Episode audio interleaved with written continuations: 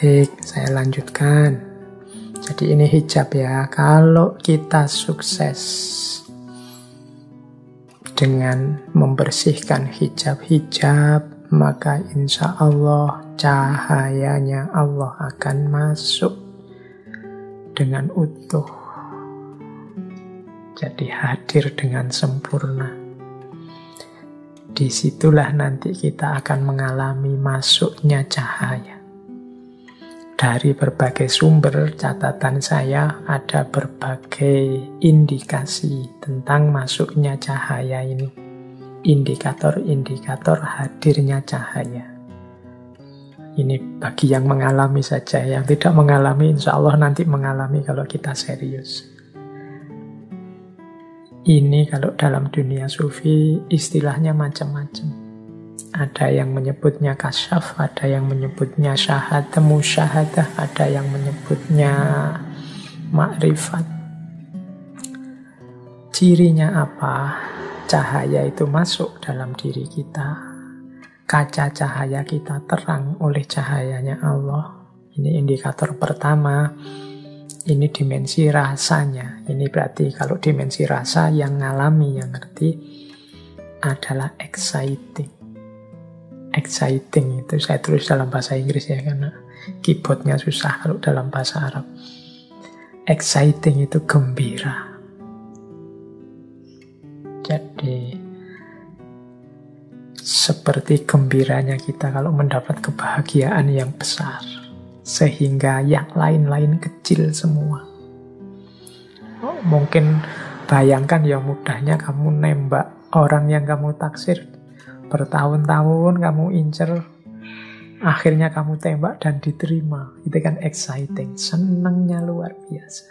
Kalau engkau mendekat ke Allah dengan serius, tiba-tiba hanya kebahagiaan saja yang engkau rasakan. Tidak ada lagi keluhan-keluhan, tidak ada lagi komplain-komplain dengan situasi real hidupmu. Kemungkinan cahayanya Allah sudah menyusup masuk dalam dirimu exciting, gembira yang luar biasa. Kemudian yang kedua, oceanic. Oceanic ini menyamudra, apa ya menyamudra? Seperti samudra, engkau merasa luas. Apa pun yang terjadi seolah-olah engkau bisa menampungnya.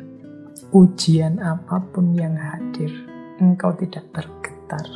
Semuanya engkau terima sebagaimana samudra yang bisa menampung apa pun yang masuk dalam dirinya. Jadi oceanic. Rasanya meluas. Kalau exciting itu gembira luar biasa. Oceanic itu rasanya meluas. Hatinya menyamudra.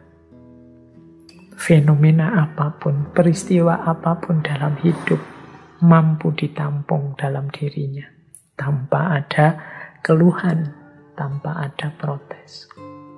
Ciri yang ketiga, hadirnya cahaya adalah deeply moving. Deeply moving itu tergeraknya jiwa. Tergerak itu seperti orang apa ya, terharu. Jadi batin kita itu sangat tersentuh itu namanya deeply moving. Ah, di tempat saya sekarang baru hujan. Mungkin suaranya terdengar nggih. Hai, kayak seperti lama tidak hujan-hujan, tiba-tiba hujan. Itu kan deeply moving. Alhamdulillah, kita rasanya terharu sekali dengan hadirnya cahaya ini dalam hidup kita. Entah tentang apa, entah dari mana hadirnya. Itu kita gembira sekali, batin kita meluas. Kita begitu tersentuh, begitu terharu. Terharu yang bahagia ya, bukan terharu yang seperti apa. Deeply moving itu mungkin kayak teman-teman yang sudah mati-matian nulis skripsi, bolak-balik ditolak, akhirnya ditanda tangani. Ujian lulus, exciting, oceanic, deeply moving. Kemudian elevating. Elevating itu elevate itu naik, mungkin bisa diartikan melayang. Jadi rasanya kita ini seperti terbang mengangkasa nikmatnya luar biasa. Itu melayang. Ini menjelaskan ini rada susah ini ya karena urusannya rasa. Pokoknya nanti momen-momen dulu kita pernah mengkaji peak experience. Itu cirinya tidak jauh dari situ. Ada elevating. Kita melayang. Rasanya nikmatnya luar biasa. Dan yang kelima kolom kolom li kolom li itu tenang. Sakinah. Jadi diri kita yang tenang. Ini seperti di surat At-Taubah itu kan.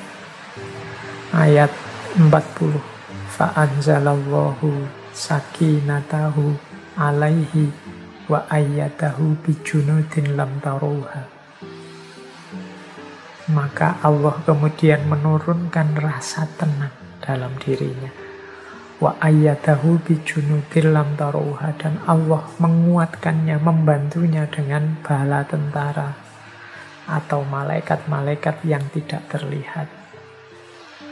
Nah, jadi orang yang mengalami, merasakan cahaya dari Allah, batinnya akan tenang. Kegembiraan, kemudian rasa meluas, rasa tersentuh, rasa melayang dan tenang yang luar biasa. Ini momen-momen ketika cahaya masuk dalam diri kita. Ini ini detailnya bisa kita lihat ulang ketika dulu kita membahas tentang peak experience. Oke, kita lanjutkan teknis-teknisnya yang berhubungan dengan cahaya. Nah, kita bahas juga terminal-terminal menuju cahaya. Jadi untuk menuju cahaya ini ya, kalau dalam dunia tasawuf dikenal makomat-makomat. Ini juga sering kita bahas. Secara umum ada beberapa terminal untuk kita menuju cahaya yang pertama adalah kesadaran. Atau dalam banyak terminologi para sufi, kesadaran di awal ini sering disebut dengan istilah taubat. Jadi kita itu kan masih banyak hijab-hijabnya. Tadi saya sebut ada dosa, ada keterikatan, dan lain sebagainya. Mari membangun kesadaran bahwa ada banyak kesalahan yang sudah kita lakukan, ada banyak salah jalan yang sudah kita tempuh. Maka mari kita insafi, mari kita bertaubat. Nah, ini level paling dasar, kesadaran. Yo kalau ndak ada taubat, ndak ada kesadaran ini yo yang kotor tetap kotor yang keruh tetap keruh. Naik satu level kalau sudah bertaubat, sadar segala kekurangan, segala kekotoran, tahap selanjutnya adalah pembersihan. Pembersihan ini tazkiyah. Jadi mari kita bersihkan diri kita karena selama ini kita banyak kekotoran, yuk ayo dibersihkan dulu. Kalau dalam istilah tasawuf ada istilah takholi, membersihkan diri. Yuk kalau tidak dibersihkan, nanti kita melakukan yang baik-baik, jangan-jangan keliru, jangan-jangan salah. Wong batin kita sedang gelap. Kita nganggapnya baik, ternyata keliru, ternyata salah salah memakainya, salah menempatkannya, salah ruang dan waktunya, salah dalilnya, bisa macam-macam. Karena diri kita masih belum bersih. Maka perlu kita membersihkan dulu yang kotor-kotor, yang dosa-dosa kita tobati, kita berjanji, tidak kita ulangi lagi. Kalau masih ada hasut, masih ada dengki, masih ada iri, masih ada kesombongan, ayo dihapus semua. Ini makom selanjutnya. Kalau sudah tazkiyah, sudah takholi, baru kita tahali. Pendekatan kepada Allah. Namanya mukorobah. Ayo mendekat pada Allah dengan amal baik, dengan keimanan, dengan amal soleh. Ini terminal yang ketiga. Jadi kesadaran, pembersihan, kemudian pendekatan. Kita mendekat ke Allah untuk menyambut cahaya darinya. Kalau kesadaran sudah sukses, pembersihan juga sukses, pendekatan kita sudah intensif, insya Allah akan hadir pencerahan dari Allah. Itulah yang kita kenal sebagai isyrok. Jadi isyrok itu cahaya yang diberikan oleh Allah. Ini, inilah yang kita terjemahkan sebagai pencerahan. Kalau di barat diistilahkan sebagai enlightenment. Enlightenment kalau di barat konotasinya adalah manusia yang tercerahkan, dia bebas berpikir sedalam-dalamnya dengan akal budinya. Kita kenal istilah ini di awal modern.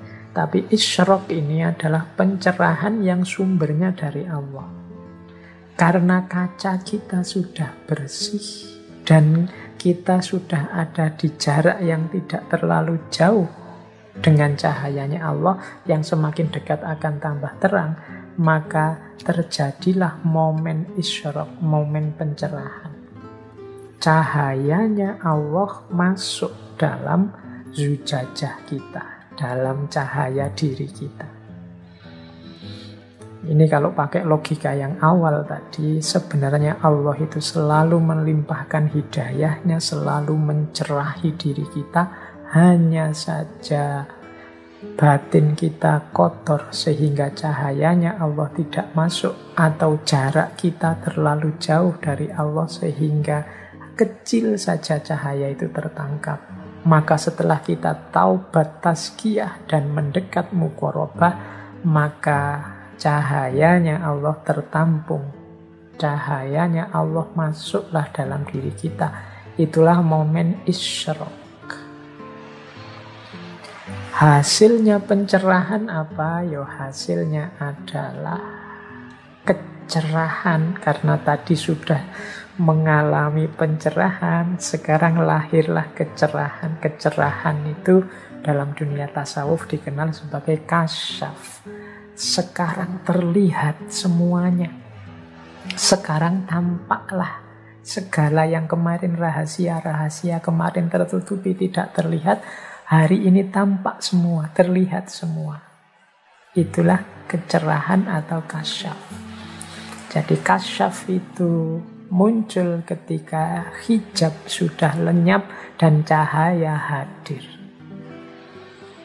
Makanya muka syafah itu dalam pandangan saya selalu gandeng dengan musyahadah. Dan musyahadah itu menunjukkan situasi diri yang makrifat.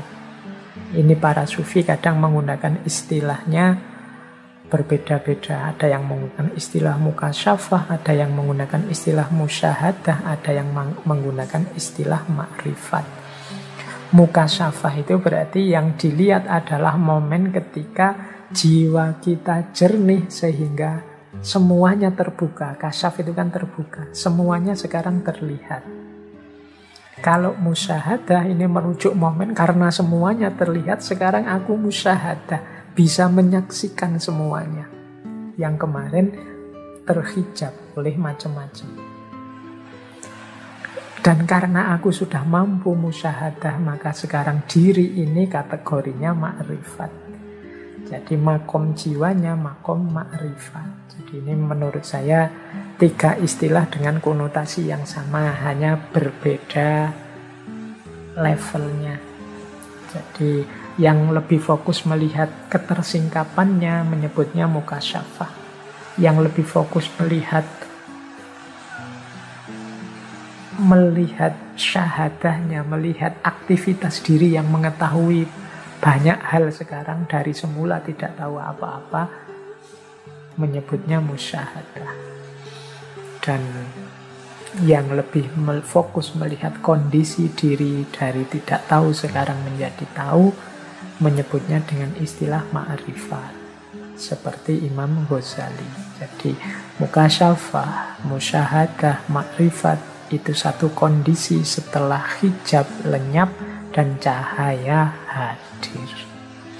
Baik, semoga teman-teman sudah bisa menangkap serba sedikit penjelasan kita malam hari ini tentang cahaya.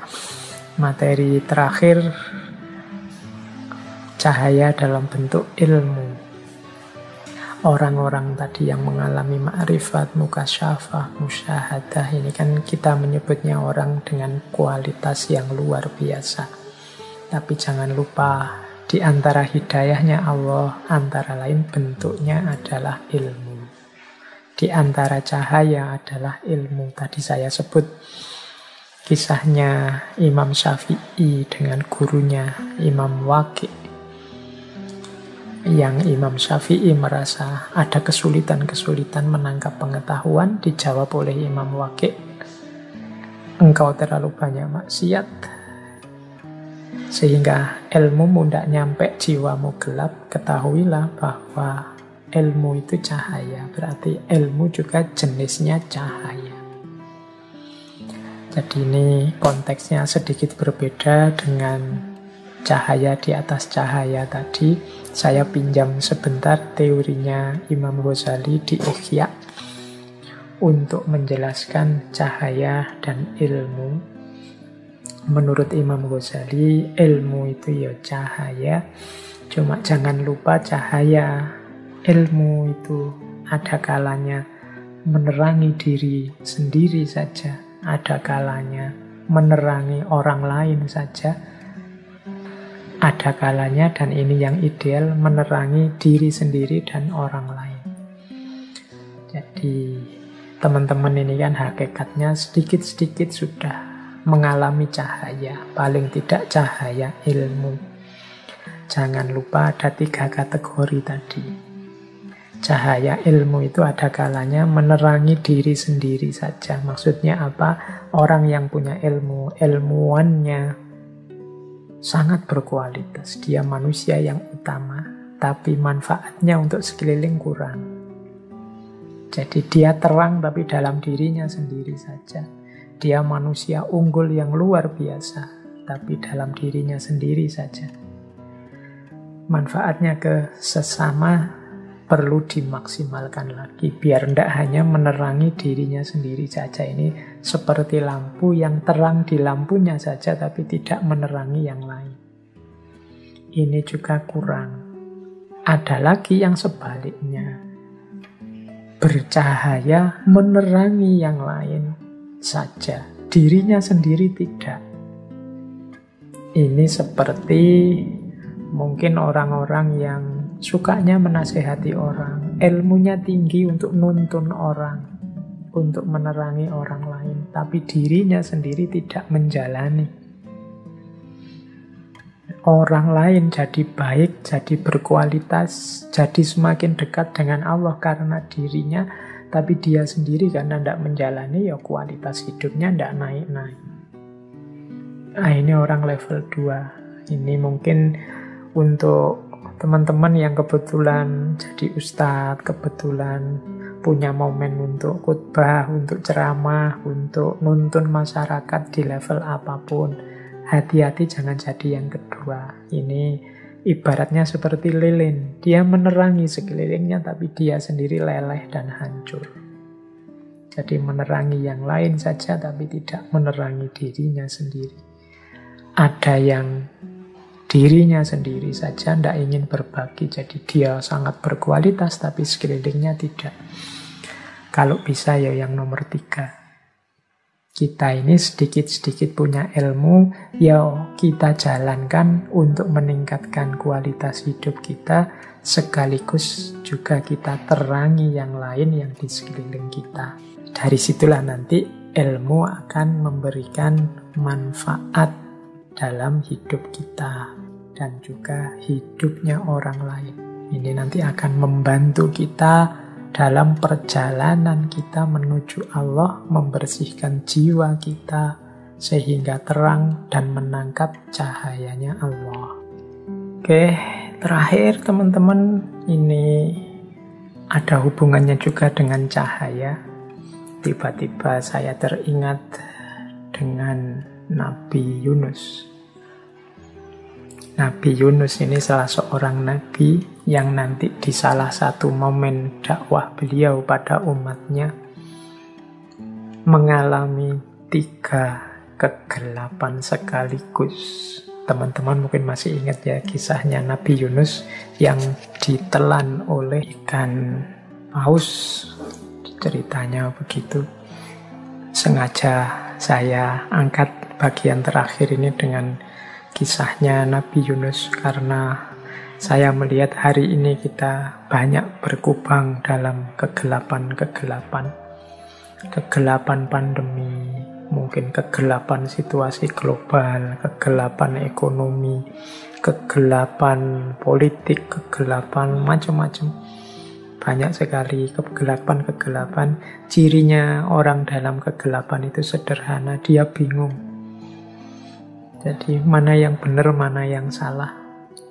Mana yang warna hijau, mana yang warna kuning, dia tidak bisa menentukan. Itu biasanya orang yang hidup dalam kegelapan. Kalau teman-teman banyak merasakan itu akhir-akhir ini entah dalam bidang apa, mari kita lebih dekat lagi ke Allah. Seperti Nabi Yunus. Nabi Yunus itu mengalami momen ditelan oleh ikan paus, sehingga mengalami tiga kegelapan sekaligus. Kegelapan dalam perut ikan, kegelapan di dasar lautan, dan kegelapan di malam hari. Karena beliau ini kabarnya ditelan pada waktu malam hari. Dan dalam kegelapan itulah Nabi Yunus memperbanyak mendekat ke Allah dengan mengucapkan lafal La ilaha illa anta subhanaka inni kuntu minal zolimi. Ya Allah, tidak ada Tuhan selain Engkau, Maha Suci Engkau. Sesungguhnya aku ini termasuk orang-orang yang zolim. Jadi dalam kalimat ini ada kepasrahan total kepada Allah sekaligus pengakuan bahwa Akulah yang banyak melakukan kezoliman selama ini. Akulah yang banyak melakukan kesalahan selama ini. Aku ini hambamu yang banyak melakukan kekeliruan. Nah, dalam kebingungan-kebingungan kita, mari kita perbanyak kalimat dari Nabi Yunus ini plus kesadarannya. Jadi kita sadari bahwa mungkin segala kebingungan, segala kegelapan hari ini itu antara lain karena andilku sendiri dengan kezoliman-kezoliman di levelku. Maka aku bertobat dan aku pasrah sepenuhnya kepada Allah. La ilaha illa anta subhanaka inni kuntu minal zolimin. Baik, saya kira itu teman-teman sesi kita malam hari ini Kurang lebihnya mohon maaf, silahkan dicari sisi-sisi yang relevan untuk hidup teman-teman semua dari sesi malam hari ini. Kurang lebihnya mohon maaf. Wallahul muwafiq, wallahu a'lam bisawab. Wassalamualaikum warahmatullahi wabarakatuh.